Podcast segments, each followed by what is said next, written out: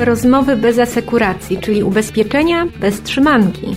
Zaprasza Aleksandra Wysocka. Czy brokerzy powinni się bać nowej ustawy o dystrybucji ubezpieczeń? Zdaniem Łukasza Zonia, prezesa Stowarzyszenia Brokerów, absolutnie nie.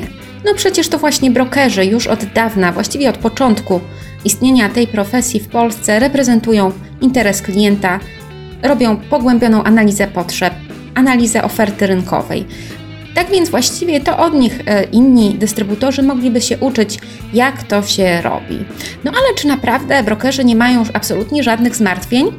No to by było zbyt piękne, żeby było prawdziwe.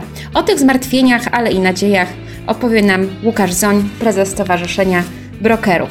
Posłuchajmy.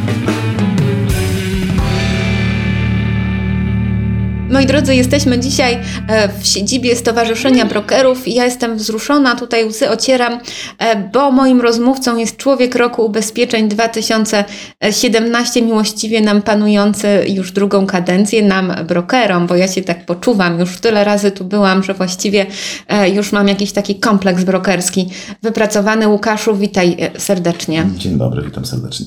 No spotykamy się w marcu, już jest po konferencji dystrybucja, aktywacja, wszystkie zmiany prawne, które miały wejść, e, są, znaczy są już zatwierdzone e, i tylko czekamy na październik. Rozumiem, że teraz już masz wakacje i do października nic nie robisz. No, chciałbym, żeby tak było. E, tak naprawdę wakacje to ma nasz ustawodawca, czyli regulator dla całej reszty rynku. Tak naprawdę to strzał startera, a nie przecięcie linii mety. Mówiłem właśnie o tym na podsumowaniu konferencji dystrybucja, aktywacja, e, wskazując jednocześnie na to, że gdyby nie rozgrywki wewnątrz państw Unii Europejskiej, które nie wszystkie zdążyły z implementacją dyrektywy, to tegoż 23 marca już byśmy byli w nowej rzeczywistości prawnej ustawy o dystrybucji. Dzięki temu e, poślizgowi w Unii e, mamy czas do 1 października i to dobrze, bo będziemy się mogli przygotować. Także wracając do tego, czy yy, teraz sobie już siedzimy i czekamy, nie, właśnie nie. Teraz jest właśnie najważniejsza praca, yy, która ma na celu wykształtowanie praktyki, która będzie obowiązywać yy, pod rządami ustawy o dystrybucji ubezpieczeń.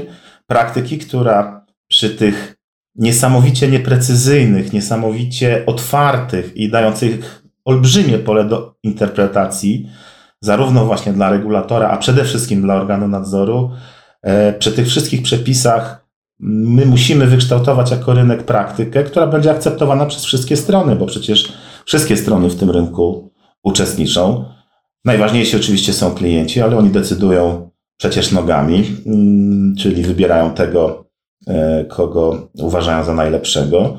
No ale są właśnie dystrybutorzy, w bardzo dużym cudzysłowie, e, regulator, no i nadzorca. Tak naprawdę te wszystkie strony muszą wykształtować praktykę, która spowoduje, że nowe przepisy okażą się korzystne dla wszystkich, a nie, kolejno, nie okażą się kolejną kulą u nogi.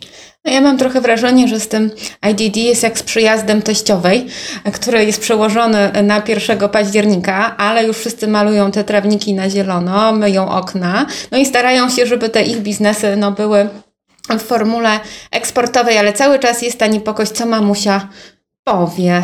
Zgadza się. Właśnie, I właśnie o to chodzi.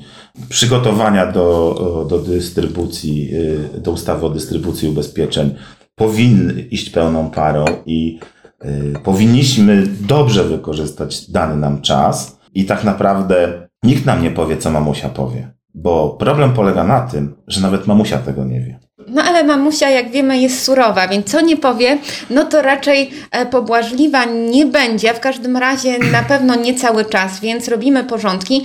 E, Łukaszu, ty jesteś prawnikiem poza wszystkim, e, więc nie mogłabym nie zapytać cię o twój ulubiony paragraf ustawy o dystrybucji, na pewno masz taki. No, ulubiony, y, już wielokrotnie o tym mówiłem, ale nigdy dość y, y, te wskazywania na to, w jaki sposób on został skonstruowany. No to słuchaj, to który to paragraf? To artykuł, artykuł 8 ustęp 3. Artykuł 8 ustęp 3 w wykonaniu e, Człowieka Roku Ubezpieczeń 2017. E, słuchajcie. Proponowana umowa ubezpieczenia lub umowa gwarancji ubezpieczeniowej powinna być zgodna z wymaganiami i potrzebami klienta w zakresie ochrony ubezpieczeniowej lub ochrony gwarancyjnej. Pięknie, pięknie. Przed zastosowaniem skontaktuj się z lekarzem lub farmaceutą. I, i, i, I z nadzorem, i z regulatorem, który ci powie o co chodzi. Ponieważ, proszę Państwa, czytając literalnie ten artykuł, e, należy stwierdzić, że właściwie go nie ma. Ponieważ jedną z podstawowych zasad prawa, już wywodzącą się e, ze starożytnego prawa rzymskiego, które jest podstawą do kontynentalnych systemów prawnych, jest to, że niemożliwe nie obowiązuje. E, takiej umowy, która by była zgodna z wymaganiami i potrzebami klienta, po prostu na rynku nie ma. Bo taka umowa musiałaby obejmować wszystkie ryzyka, które klient w swoim życiu, na które klient w swoim życiu jest narażony, a przecież dobrze wszyscy wiemy, że, że to jest niemożliwe. Oczywiście ten paragraf, mam nadzieję, że będzie interpretowany e, w ramach wykładni tak zwanej, my prawnicy na to mówimy, celowościowej, to znaczy jaki jest cel tego przepisu i tak naprawdę E, tylko w ten sposób można go interpretować właściwie. Na mój własny użytek nazywam to interpretacją może nie bardzo poprawniczemu, ale tak już e, z praktycznego Po ludzku, nie mówimy się tego po ludzku. Tak, po ludzku. Nazywam to na swój użytek e, interpretacją negatywną. Mówiliśmy o tym na konferencji Dystrybucja, Aktywacja. Również wyrażałem tutaj ten, te, to zdanie, że, że tylko w sposób negatywny można interpretować ten, ten artykuł. Negatywny, o, co mam na myśli? Tylko należy patrzeć na to w ten sposób, że nie można klientowi sprzedawać czegoś, czego nie potrzebuje.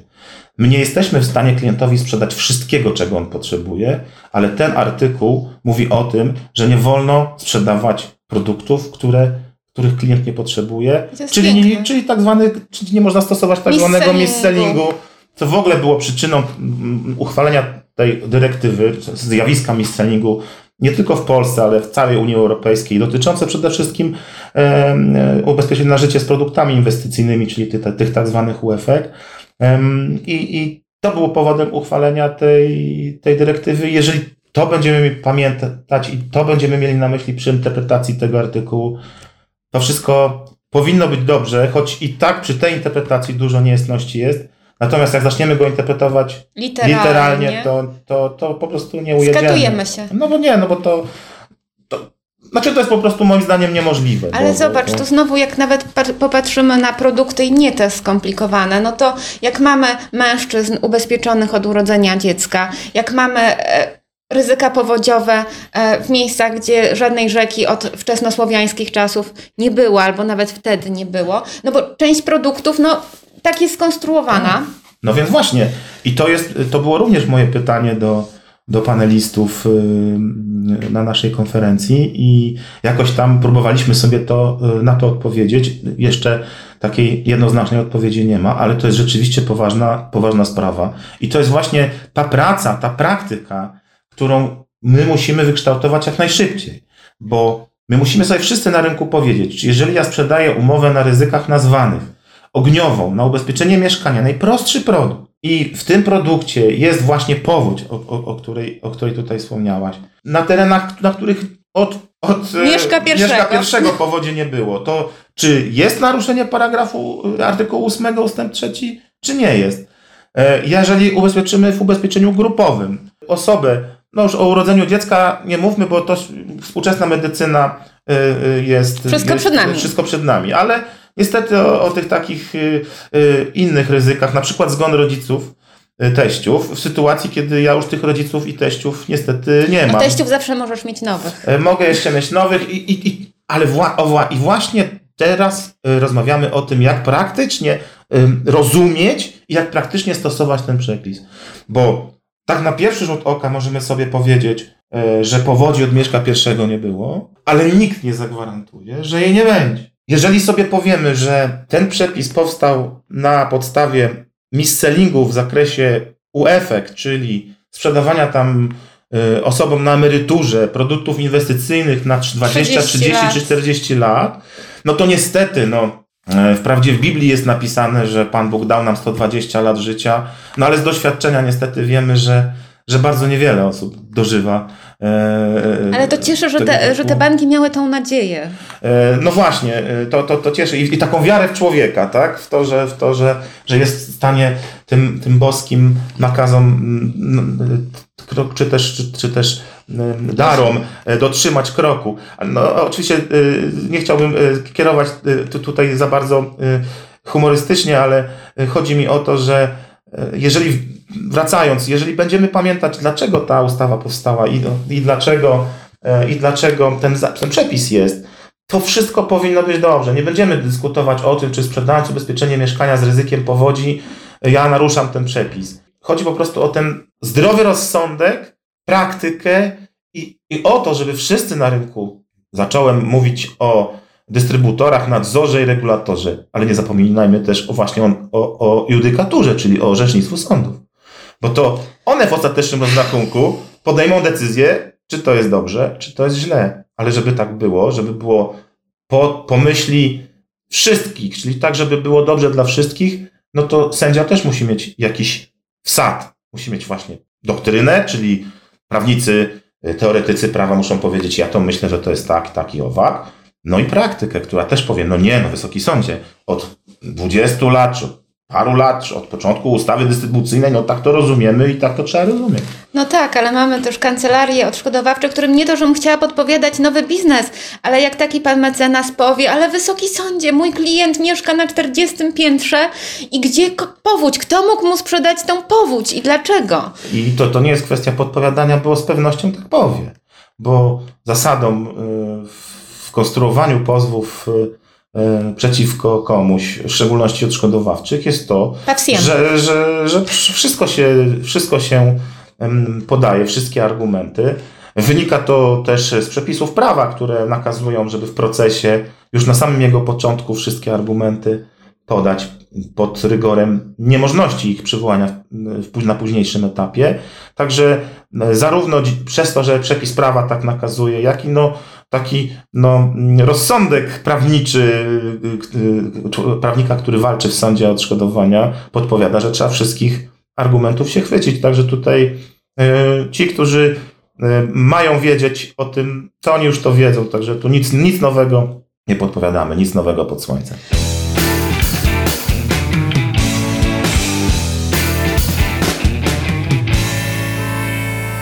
Nie wymieniłeś wśród swoich ulubionych artykułów tego, który zakazuje prowadzenia działalności agencyjnej brokerom i vice versa. No więc jak stwierdzić, co robi broker w marcu 2018 lat, no to on na gwałt szuka szwagra. Szwagra, który by przejął jego biznes e, agencyjny. No tak, mówimy o przepisie zakonyzującym związków e, między brokerami i agentami, które są w stosunku do obecnego stanu prawnego przepisami nowymi które zaostrzają zakaz, który dotychczas obowiązywał tylko w stosunku do między mm, agentami, brokerami, a e, przepraszam, brokerami oczywiście tylko, bo agenci są z natury związani z zakładem ubezpieczenia, ale zakaz obowiązywał między brokerami a ubezpieczycielami.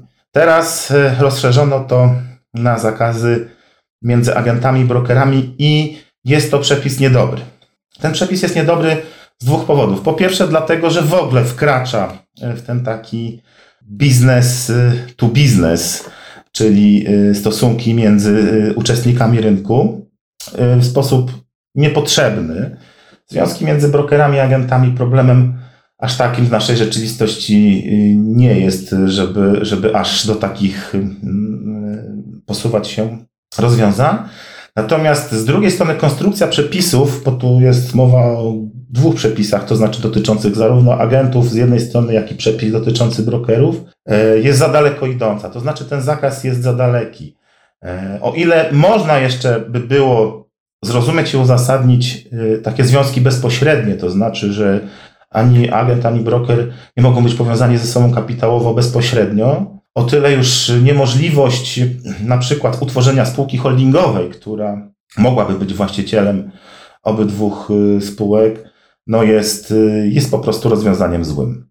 Inwestor, który chciałby na przykład inwestować w rynek ubezpieczeń, może chcieć mieć w portfelu swoich, swoich spółek zarówno spółkę agencyjną, jak i brokerską i przy założeniu zachowania znanych z innych rynków finansowych, szczególnie rynku bankowego, tak zwanych chińskich murów, czyli Chinese Walls z angielska, e, czyli tych ścisłych rozdziałów działalności, kiedy te działalności po prostu dzięki procedurom i rozwiązaniom się nie przenikają, mogłoby spowodować osiągnięcie celu, które sobie zamierzył ustawodawca, a przypomnijmy, że rozwiązanie proponował nadzorca, który e, powoływał się na swoją praktykę e, kontroli w ramach nadzoru. Myślę, że niestety rozwiązanie idzie za daleko, powoduje niepotrzebne komplikacje, no ale będziemy sobie musieli z tym żyć i, i oczywiście żartobliwie zaczęliśmy od, od tego szwagra, ale niestety jeżeli widzimy, że no, rozwiązanie nie jest rozsądne, to nie należy oczekiwać, że nie należy oczekiwać, że adresat tego rozwiązania zachowa się rozsądnie, po prostu będzie próbował sobie jakoś poradzić, bo prowadzenie mm, działalności pośrednictwa ubezpieczeniowego w formie brokerskiej, w formie agencyjnej, a w szczególności w formie multiagencyjnej jest powszechne na polskim rynku i nie zniknie tylko dlatego, że, że e, ten przepis e, powstał. Po prostu będziemy sobie musieli z tym poradzić e, w taki sposób, żeby, żeby być zgodnie, zgodnym z, z, z prawem. A wierzę w to, że te problemy, które identyfikował KNF, były problemami incydentalnymi, czyli zbytnich związków między, między przenikaniem się profesji e, i, i tak naprawdę ci, którzy poważnie podchodzą do swoich e, działalności, czyli działalności brokerskiej i działalności multiagencyjnej, e, problemu na przykład ze zbudowaniem tego chińskiego muru, czyli rozdziału działalności, nie będą mieli i, i dadzą po prostu sobie radę z tym. Łukaszu, powiedz, y, jakbyś miał doradzić tym brokerom, którzy już coś zaczęli robić? Mówię o mniejszych, bo duzi sobie oczywiście mhm. świetnie radzą, mają zaplecze, y, mają swoje kancelarie, y, ale ci mniejsi zastanawiają mhm. się, jak żyć. Pytanie z cyklu, jak żyć. No są pokusy takie konsolidacyjne, żeby sobie tych stresów oszczędzić, mhm. pójść gdzieś, nie będę tu wymieniać y, nazwy, są oferty, mrugają zachęcająco y, pewni gracze y, do, do drobnych brokerów. Czy, czy to jest dobra droga? Czy, czy można to jakoś jednoznacznie doradzić? Znaczy jest to jedna, jedno z rozwiązań. No, konsolidacja na rynku, na rynku brokerskim mm, jest faktem i bez przepisów ustawy o dystrybucji, ponieważ konkurencja między nami, e, między nami, brokerami, jest tak duża, że, że już po prostu, e, jeżeli ci mniejsi nie mają swojego środowiska lokalnego lub nie mają niszy, która, która e, powoduje, że nawet ci duzi mogą się na przykład do nich zwrócić o pomoc, no bo bez bez niepotrzebnego budowania kompetencji są w stanie na przykład zaspokoić specyficzną potrzebę klienta. Znam takie przypadki. No to, to jednak, jeżeli, jeżeli tak nie jest, to, to niestety ci mniejsi brokerzy mm, będą, mają i będą mieli coraz trudniej na rynku, ale mm, muszę powiedzieć, że i bez ustawy o dystrybucji ubezpieczeń. Dlaczego tak myślę? Otóż myślę dla, dla, tak dlatego, że Nieważne, czy duży, czy mały broker, usługa, usługa brokerska w ostatecznym rozrachunku wykonywana jest przez człowieka, specjalistę. To on podejmuje ostateczne decyzje. Stąd też od wielu lat programem stowarzyszenia jest przecież mm, uznanie zawodu za zawód zaufania publicznego. Bo to jest też jedną z cech tego zawodu, że to jest człowiek wykonujący pewną pracę, jak lekarz, jak prawnik, jak biegły rewident. Więc to jest y, istotą tego, co chcę powiedzieć. My wykonujemy określoną pracę w określonym charakterze, w określonych ramach. I jeżeli my wykonujemy tę pracę dobrze, to znaczy yy, wykonujemy to wszystko, co wymaga rzetelna i profesjonalna obsługa, czyli zaczynamy od identyfikacji potrzeb klienta, robimy program szyty na miarę, którym się przecież wszyscy szczycimy, przeprowadzamy konkurs na ubezpieczyciela, przygotowujemy dokumenty, a następnie prowadzimy działalność związaną z administracją umowy ubezpieczenia, w tym z likwidacją szkód, to jak przeczytamy przepisy ustawy o dystrybucji ubezpieczeń, które wymagają od nas pewnych czynności, to nic nowego. To jest tylko i wyłącznie nazwanie pewnych czynności w sposób, który, który pokazuje nam ustawa i dalej, i dalej robienie swojego. Od dawna to powtarzałem. Brokerzy nie będą mieli problemów z dostosowaniem się do ustawy o dystrybucji ubezpieczeń. Jedno z moich ostatnich przemówień zatytułowałem Witamy w naszym świecie. Tak dokładnie, witamy wszystkich innych dystrybutorów, czyli agentów, multiagentów i ubezpieczycieli w naszym świecie, czyli w świecie brokerów, w którym na porządku dziennym jest analiza potrzeb, dostosowanie tych, tych potrzeb, tej analizy do rzeczywistych potrzeb i kreowanie produktu ubezpieczeniowego i plasowanie, plasowanie ryzyka. Także po tym wszystkim, wszystkim nam, i dużym, i małym, powiem tak. Usiądźcie sobie spokojnie, przeanalizujcie to, co robiliście do tej pory, przeczytajcie ustawę, a za chwilę przeczytajcie te materiały, które się ukażą na podstawie tej ustawy. Między innymi wydawnictwo kongresowe, które planujemy wydać y, jako taki, taki pierwszy, taki na pierwszy okres podręcznik, poradnik, co zrobić. Nie bójcie się tych przepisów, y, bo to nic nowego nie jest, tylko po prostu trzeba pewne czynności delikatnie sformalizować i nazwać. Tak naprawdę przecież y, o tym wynagrodzeniu, o którym y, tyle też ostatnio mówiliśmy, mówimy o charakterze wynagrodzenia, przecież każdy z nas na pierwszej rozmowie na pytanie klienta, a ile mnie to będzie kosztowało, odpowiada, a no drogi kliencie, to w ramach kurtażu, który otrzymuje, czyli ten obowiązek informacyjny jest też spełniony. To jest kwestia zbudowania pewnych dokumentów, pewnych standardów y, postępowania, które się po prostu będzie klientom przekazywać przed zawarciem każdej umowy ubezpieczenia. Nie jest to też nic nowego na rynku na przykład zachodnim, gdzie brokerzy mają takie swoje regulaminy obsługi.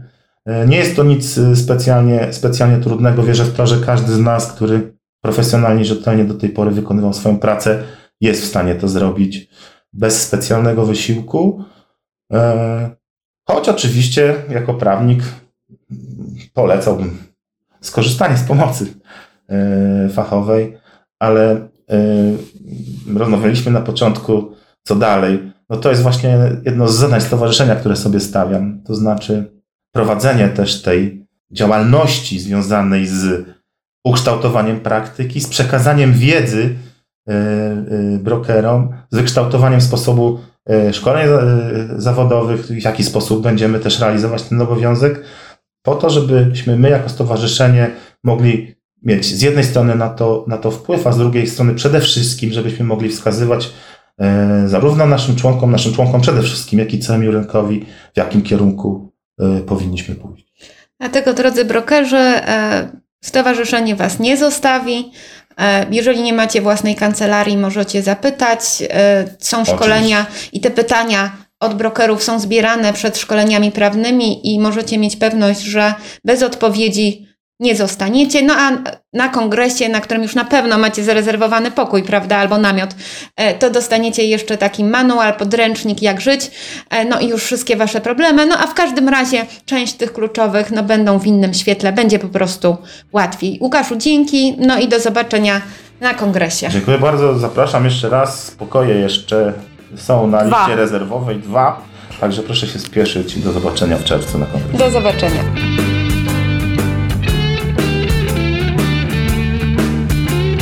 Jeżeli czujecie pewien niedosyt treści brokerskich, to ucieszy Was wiadomość, że już niedługo w jednym z kolejnych odcinków wystąpi dyrektor Maciej Kapiński ze Stowarzyszenia Brokerów, który opowie o projektach szkoleniowych. Zresztą nie tylko o tym, no ale te szkolenia to naprawdę bardzo ważna i ciekawa e, część działalności stowarzyszenia. Szkolenia są zdalne, szkolenia są nowoczesne, szkolenia są naprawdę w porządku, więc warto z nich skorzystać już teraz, a od jesieni będzie jeszcze zupełnie nowy cykl certyfikowanych szkoleń, no, które będzie można wliczyć w te 15 godzin obowiązkowych zgodnie z nową ustawą o dystrybucji. O tym już wkrótce, to nie tylko dla brokerów, również dla innych dystrybutorów, w szczególności multiagentów, ale także agentów wyłącznych, czemu nie, bo są takie obszary których doskonalenie pomoże wszystkim. A więc będzie wiosna z brokerami. Czekajcie na odcinek z Marcinem Kapińskim. A tymczasem dziękuję Wam serdecznie. Jeżeli ten podcast na coś Wam się przydał, udostępnijcie go lub po prostu polubcie, żeby dobra wiedza ubezpieczeniowa szerzyła się dalej. Dzięki, wszystkiego dobrego.